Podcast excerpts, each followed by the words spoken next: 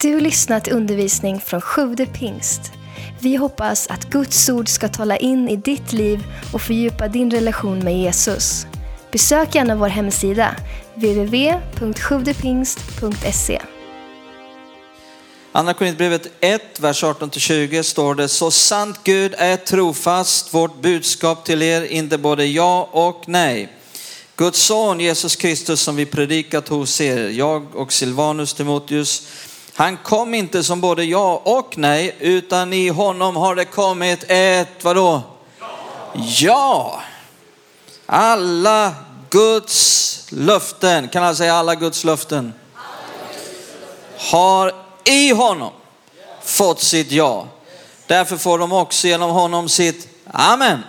Det måste bli ett amen också. Inte ett jamen och inte ett nämen, men ett amen. Är du redo med ett amen idag? För att Gud ska bli ärad genom oss. Idag startar vi vårt sommartema. Alla Guds löften, vägen in i löfteslandet. Levi Petrus skrev år 1913 det som man skulle kunna kalla för pingstväckelsens nationalsång. Löftena kunna ej svika. Och det skrev han när hans hustru Lydia hade blivit mycket svårt sjuk och läkaren eh, eh, uppmanade till att operera så snabbt som möjligt. Men de upplevde vid det här tillfället att de istället skulle be till Gud och förtrösta på honom. Och de fick uppleva ett mycket konkret under. Lydia blev fullständigt frisk. Och Levi Petrus skriver i sången, himmel och jord må brinna, höjder och berg försvinna, men den som tror skall finna att löftena de står kvar. Bibeln innehåller mycket lågt räknat långt över 3000 löften. Eh, vi frågar oss, vilka är dessa löften? Vem gäller dessa löften? Och hur kan vi få uppleva att dessa löften blir en realitet i våra liv? Och vi hämtar bilden ifrån när Israels folk blev befriade ut ur slaveriet i Egypten genom Röda havet. Och sen var det Guds vilja att de på en gång skulle inta det utlovade landet, Kanans land. Men istället så säger Bibeln, Bibeln säger att på grund av deras otro så fick de istället vandra i öknen i 40 år till hela den generationen hade dött ut och en ny generation hade kommit som under Josuas ledning intog löfteslandet. Du vet, löfteslandet det är inte en bild på himlen. Det ska vara en väldigt dålig bild på himlen. Hur många Goliats finns det i himlen? Hur många fiender väntar dig i himlen? Hur mycket motstånd och kamp är det i himlen? Hur mycket måste man inta under strid när man kommer till himlen? Nej, det är inte som det står i sången att snart har vi slutat ökenfärden och går in i kanans land. Eh, utan löfteslandet är en bild på hur vi intar Guds löften. Hur vi gör anspråk på det som Jesus har köpt åt oss genom försoningsverket, genom hans offerdöd på Golgata kors. Och här finns det en strid att utkämpa. Här finns det fiender som vill hindra. Vi ska läsa också i Hebreerbrevet, det fjärde kapitlet. Eh, Som mycket handlar just om Israels folk och hur de inte lyckades inta löfteslandet. Eh, och man kan läsa allting om du vill det eh, senare när du kommer hem. Men det är ett väldigt bra kapitel. Men, men titta här i vers 1 och 2. När nu ett löfte, ett löfte finns kvar om att få komma in i hans vila. Löfteslandet kallas för vila. Låt oss då akta oss att ingen av er visar sig gå miste om det. Evangeliet, lägg märke till vad det står här nu. Evangeliet, de goda nyheterna har förkunnats för oss, liksom för dem, Israels folk.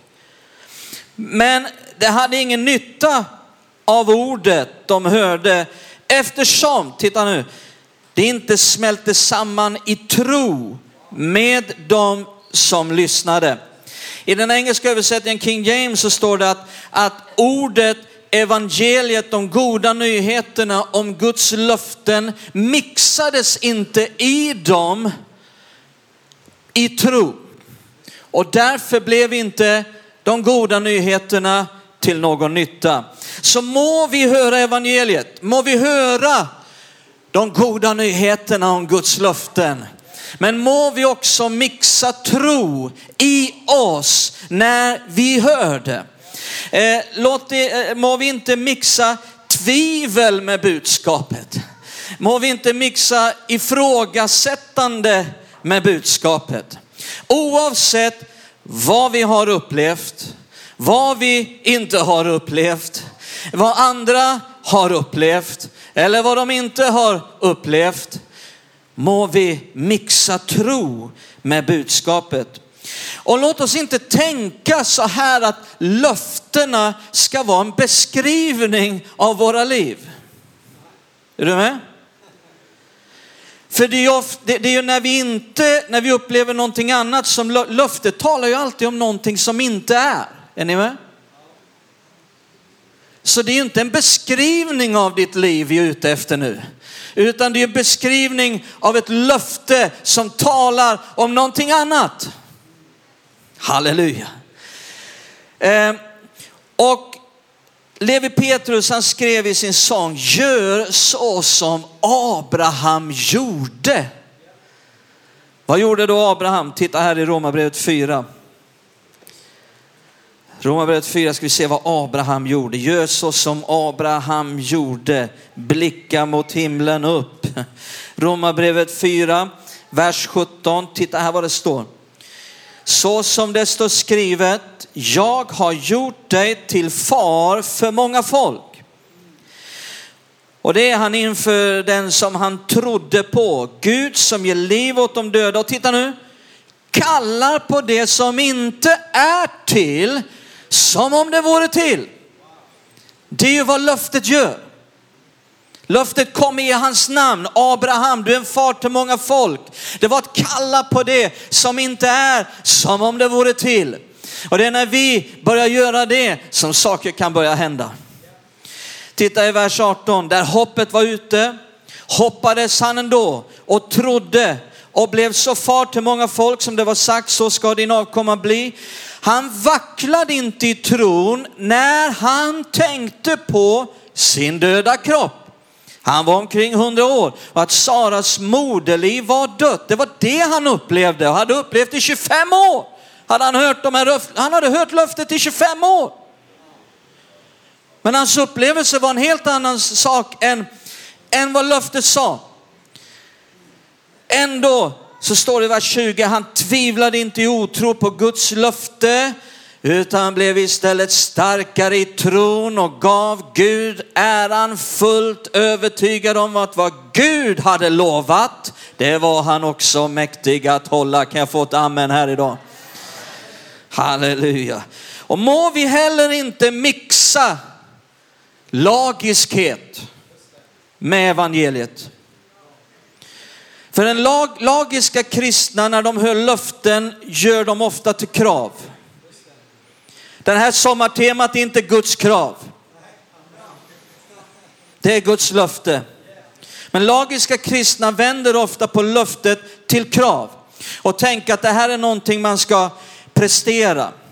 Att det är någon slags mätare på hur bra kristen jag är. Och det måste man få bort ur sitt liv, annars kommer löftena aldrig att mixas med tro som är vila.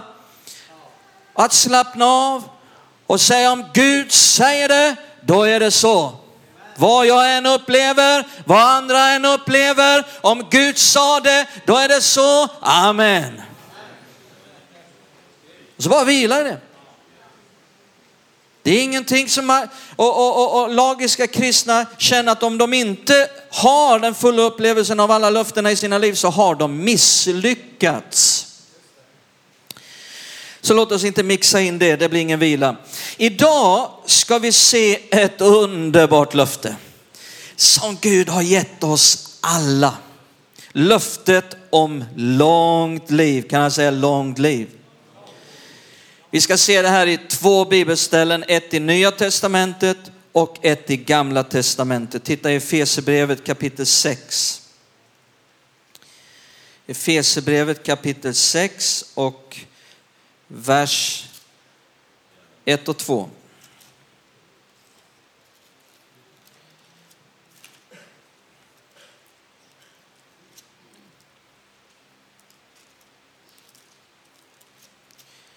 Ni barn, lyd era föräldrar i Herren för det är rätt och riktigt. Hedra din far och din mor. Detta är det första budet som har med sig ett löfte. Ja, jag har inte fått med vers 3 där, jag skulle ha haft med vers 3. Titta nu, för det är där det kommer.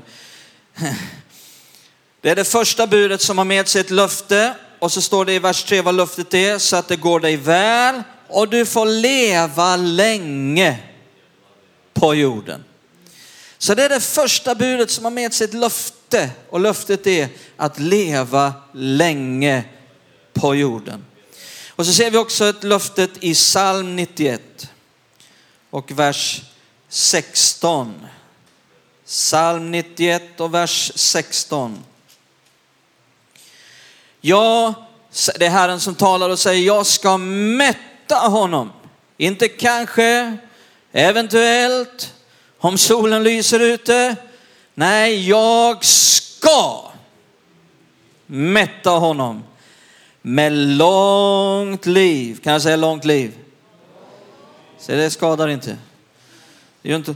Och låt honom se min frälsning. Alltså psalm 91 överhuvudtaget är en psalm som är så packad med dyrbara, underbara löften. Och här hittar vi i den här salmen löften om änglabeskydd mot alla fientliga makter. Eh, beskydd emot alla sjukdomar och olyckor. Be, eh, om räddning, befrielse, eh, räddning i nöden står det talas om här. Och alla de här löftena leder fram till löftet i den sista versen löftet om långt liv. Och vi ser också de här löftena på andra ställen i, i Bibeln om långt liv och vi kan läsa ett sådant i Andra Mosebok 23. Andra Mosebok 23. Då står det i vers 25, 26. Ni ska tjäna Herren er Gud och han ska välsigna din mat och din dryck och ta bort sjukdom från dig. I det land ska då inte finnas någon kvinna som får missfall eller är ofruktsam. Dina dagars tal ska jag göra fullt. Vilket underbart löfte. Eh, nu kan det finnas vissa frågor som man på en gång ställer sig. Den första frågan kan vara helt enkelt att hur skulle vi definiera är ett långt liv? Jag tror inte att någon här skulle säga att 50 år eller 60 år är ett långt liv. Utan jag tror att man kanske skulle landa i att säga cirka 80 år. Det är ett, det, då är det ett långt liv.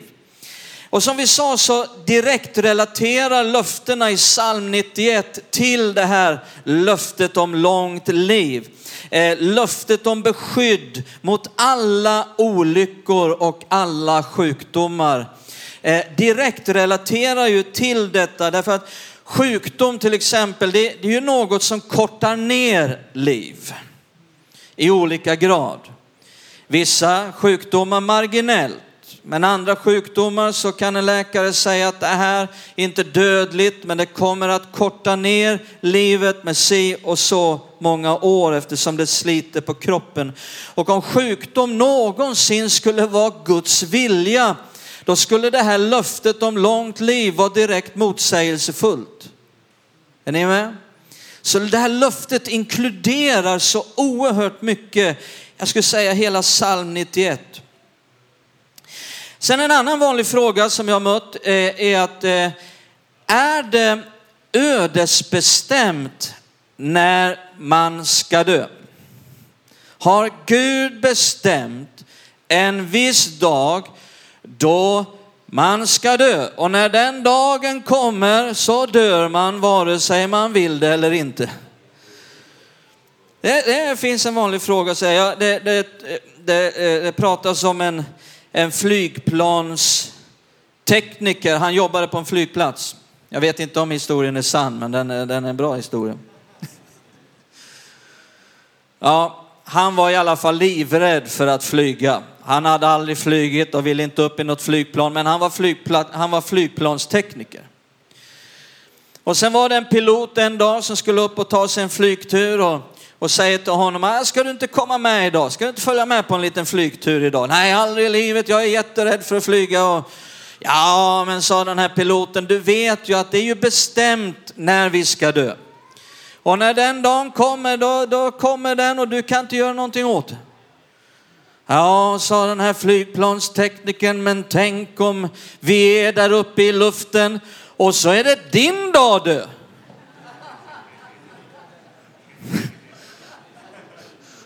Då dör ju jag med fast den inte var min då. Så det, det, det, det, kan vara lite ologiskt och det blir lite ologiskt i, i, i att tänka så. Titta här i Hebreerbrevet 9 vad, vad det är som är bestämt. Hebreerbrevet 9. Då står det i vers 27.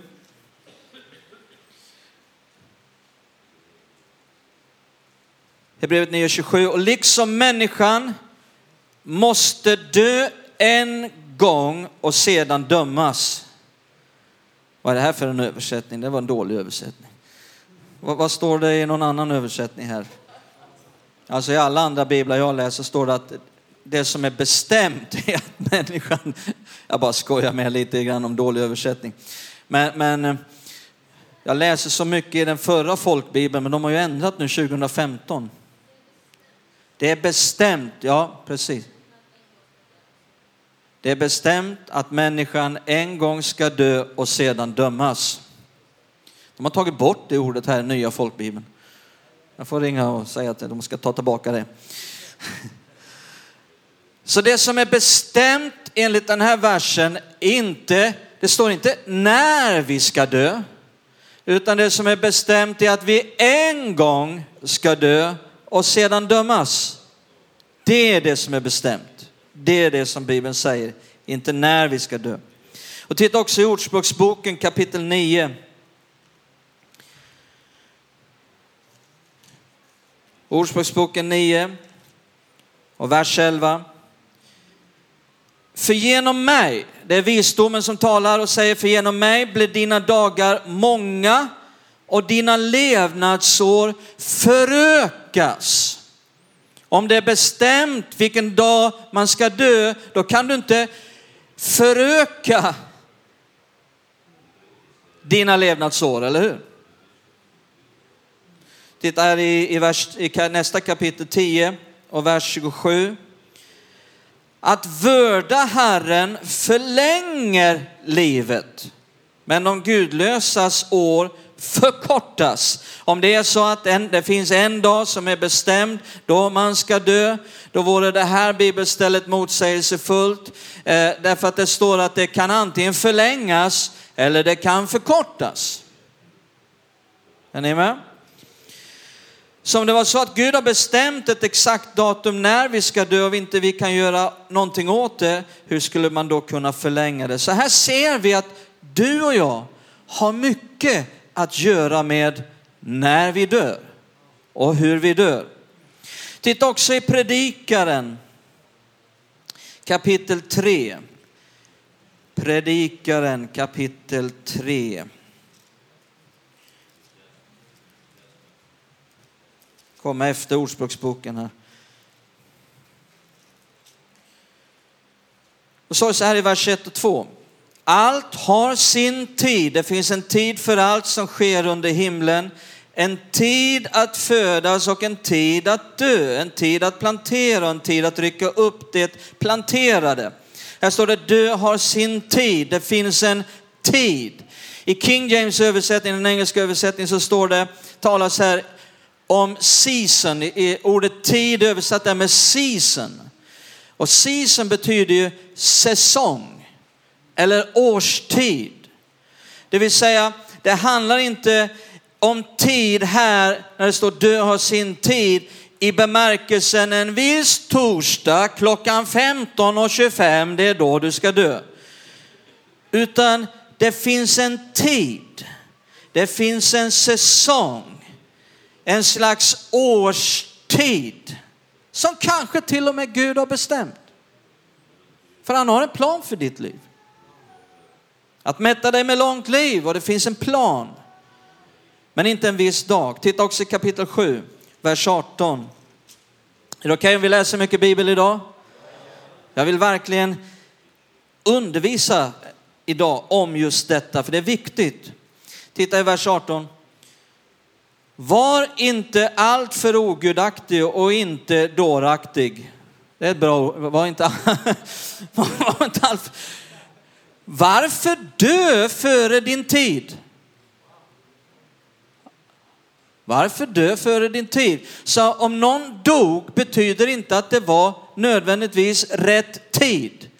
Det är inte så att så fort en kristen dör så är det alltid så att Gud tog hem dem. Ibland talar kristna så här som att det alltid är rätt tid. Det, det var rätt tid. Gud tog hem dem av någon konstig anledning som vi inte kan begripa. Nej, det kan vara så att man dog före sin tid. Predikaren säger det här. Man kan dö före sin tid. Titta också vad som står i Jobb kapitel 5. Jobb kapitel 5, vers 26. Du kommer i graven. En del tycker att det var ju ingen roligt budskap idag. Det är mycket död och grav. Och... Men vänta, det kommer att bli bra. Du kommer i graven när du nått full mognad som sädesskärven bärgas när tiden är inne. Här, talades, här talas det om att, att dö som en skörd, en skördetid. Det finns en tid och det är som en skördetid säger Jobs bok. Och en bonde, när en bonde sår så planerar han ju inte då att en viss torsdag klockan 15.25 då ska vi skörda. Utan skördetiden som ligger långt bort, det vet man på ungefär där kommer det att bli skörd.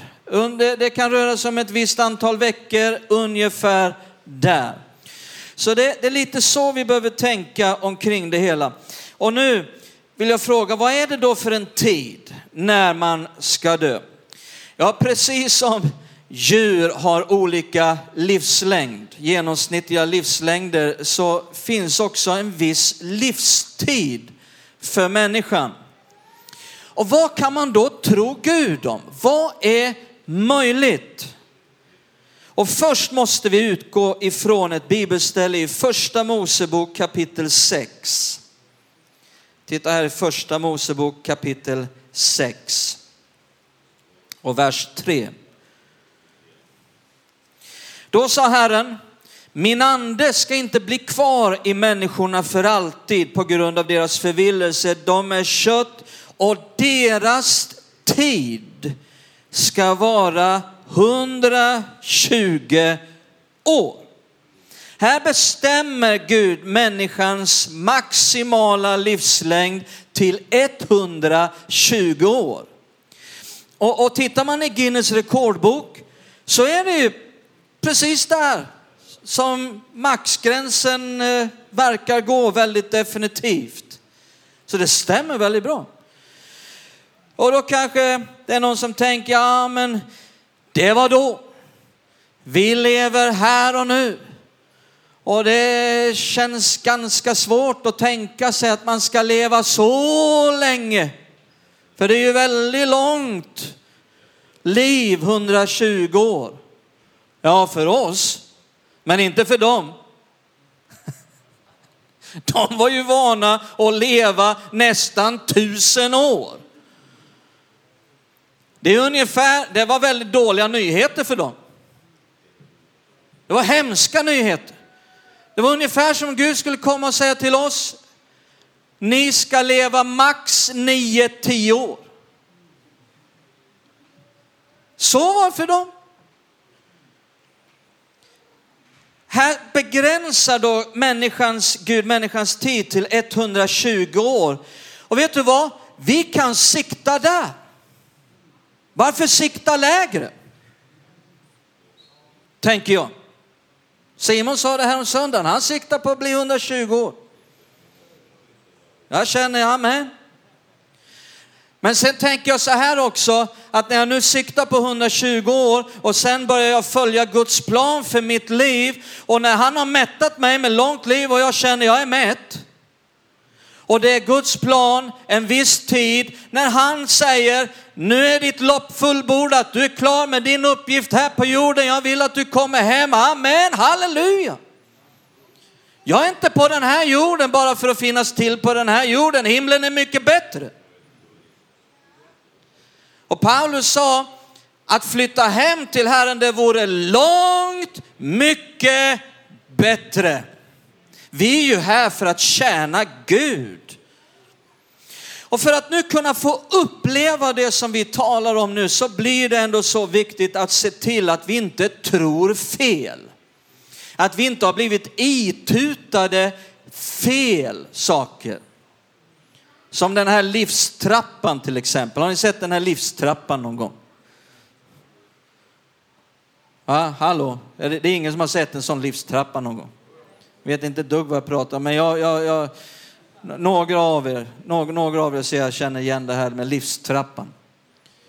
När jag var liten pojke, sex, sju år, jag glömmer det aldrig, jag har en klar minnesbild när jag var hemma hos farmor och farfar. Och farmor hade en väggbonad. Det var den här livstrappan. Och då kunde man se att 20 år, 30 år, 40 år, det går bara uppför. Och vid 40 då är man på toppen av sitt liv. Och sen går det nerför. Och vid 60 då ska man vara glad att man överhuvudtaget lever. Och vid trappsteget 70 då såg jag på den där väggbonaden att man tittar ner i graven med varsin käpp. Och jag kan känna det fortfarande, ångesten som smög sig in i din lilla pojksjälen. Är det det här som väntar mig? Ja, men Sven, Bibeln säger att våra liv varar 70 år, 80 om det blir långt. Ja, vänta lite. Låt oss gå och läsa det och titta närmare på det, just det bibelstället som så ofta citeras. Titta i psalm 90. Psalm 90. Och så läser vi vers 10. Vårt liv vara 70 år eller 80 om krafterna räcker. När det är som bäst är det möda och bekymmer. Snart är det slut och vi flyger bort. Vers 12. Lär oss att våra dagar är räknade så att vi får visa hjärtan. Först måste vi fråga vem skrev salmen? Mose. När skrev han salmen? Jo, när de var i öknen i 40 år. Vad som hade hänt var att de blev befriade ut ur Egypten genom Röda havet. Sen ville Gud att de på en gång skulle inta det utlovade landet. Men så säger Bibeln att på grund av deras otro så blev de dömda. De hamnade under dom att vandra i öknen i 40 år. Så säger Bibeln till alla som var över 20 år hade dött. Och därför levde de inte längre än 70-80 år. Josua och Kaleb som inte var under den här domen, de var 80 bast när de ledde arméerna in i löfteslandet och intog det. Och sen levde de många, många år till. Och Mose själv, han var 120 år när han trillade av pinnen. Så den här salmen, titta, låt oss titta lite närmare på den här salmen. Vi läser ifrån vers 1. Vi läser hela salmen. En bön av gudsmannen Mose. Man, man tror också att Mose skrev psalm 91. Vi är alldeles över psalm 91 som vi läste, där löftet finns. Att Moses skrev både psalm 90 och psalm 91. Och titta nu. En bön av gudsmannen Mose. Herre, du har varit vår tillflykt från släkte till släkte. Innan bergen blev till och du skapade jorden och världen från evighet till evighet är du Gud. Du låter människan vända åter till stoff. Du säger vänd om, ni människors barn. Tusen år är i dina ögon som dagen igår som försvann, som en av nattens timmar. Du sköljer bort dem, de är som en sömn och morgonen gror de som gräset. Och morgonen gror det och blomstrar, mot kvällen vissnar och torkar. Titta nu vad som står. Vi går under genom din vrede. Är det någonting du vill säga om ditt liv? Hallå? Nu är det viktigt att vi lyssnar här. Vill du säga de orden till Gud, jag går under på grund av din vrede? Nej! Hallå! Varför säger Mose det här? Därför att de är under Guds vrede, de är under Guds dom. Vi går under genom din vrede, förskräckta av din glöd. Du ställer våra synder inför dig, våra hemligheter i ditt ansiktes ljus. Alla våra dagar försvinner genom din vrede. Vi slutar våra år som en suck. De är under dom, min vän. Och jag säger inte att vi inte kan lära oss saker från den här salmen. Det är skrivet för oss. Men det måste hanteras på rätt sätt. Våra liv vara 70 år eller 80 om krafterna räcker. När det är som bäst är det möda och bekymmer. Det behöver inte du säga om ditt liv. Det kan vara bättre än så. När det är som bäst, ja då vill vi inte veta när det är som sämst. Om när det är som bäst är det möda. Eh,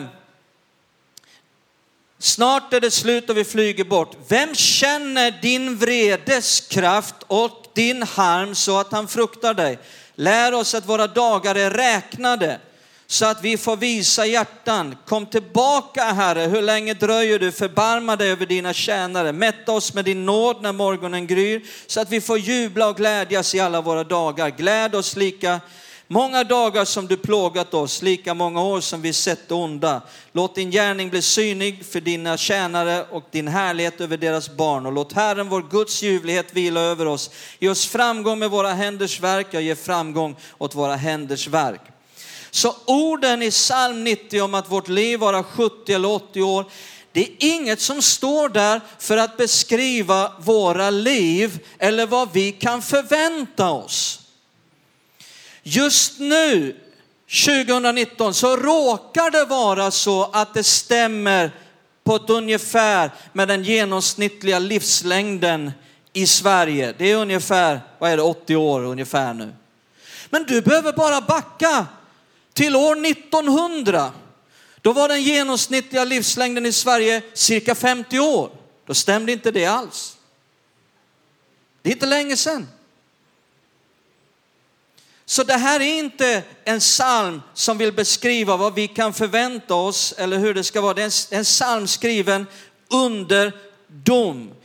Så jag vill uppmana alla, sluta mata din tro med psalm 90. Börja mata din tro med psalm 91.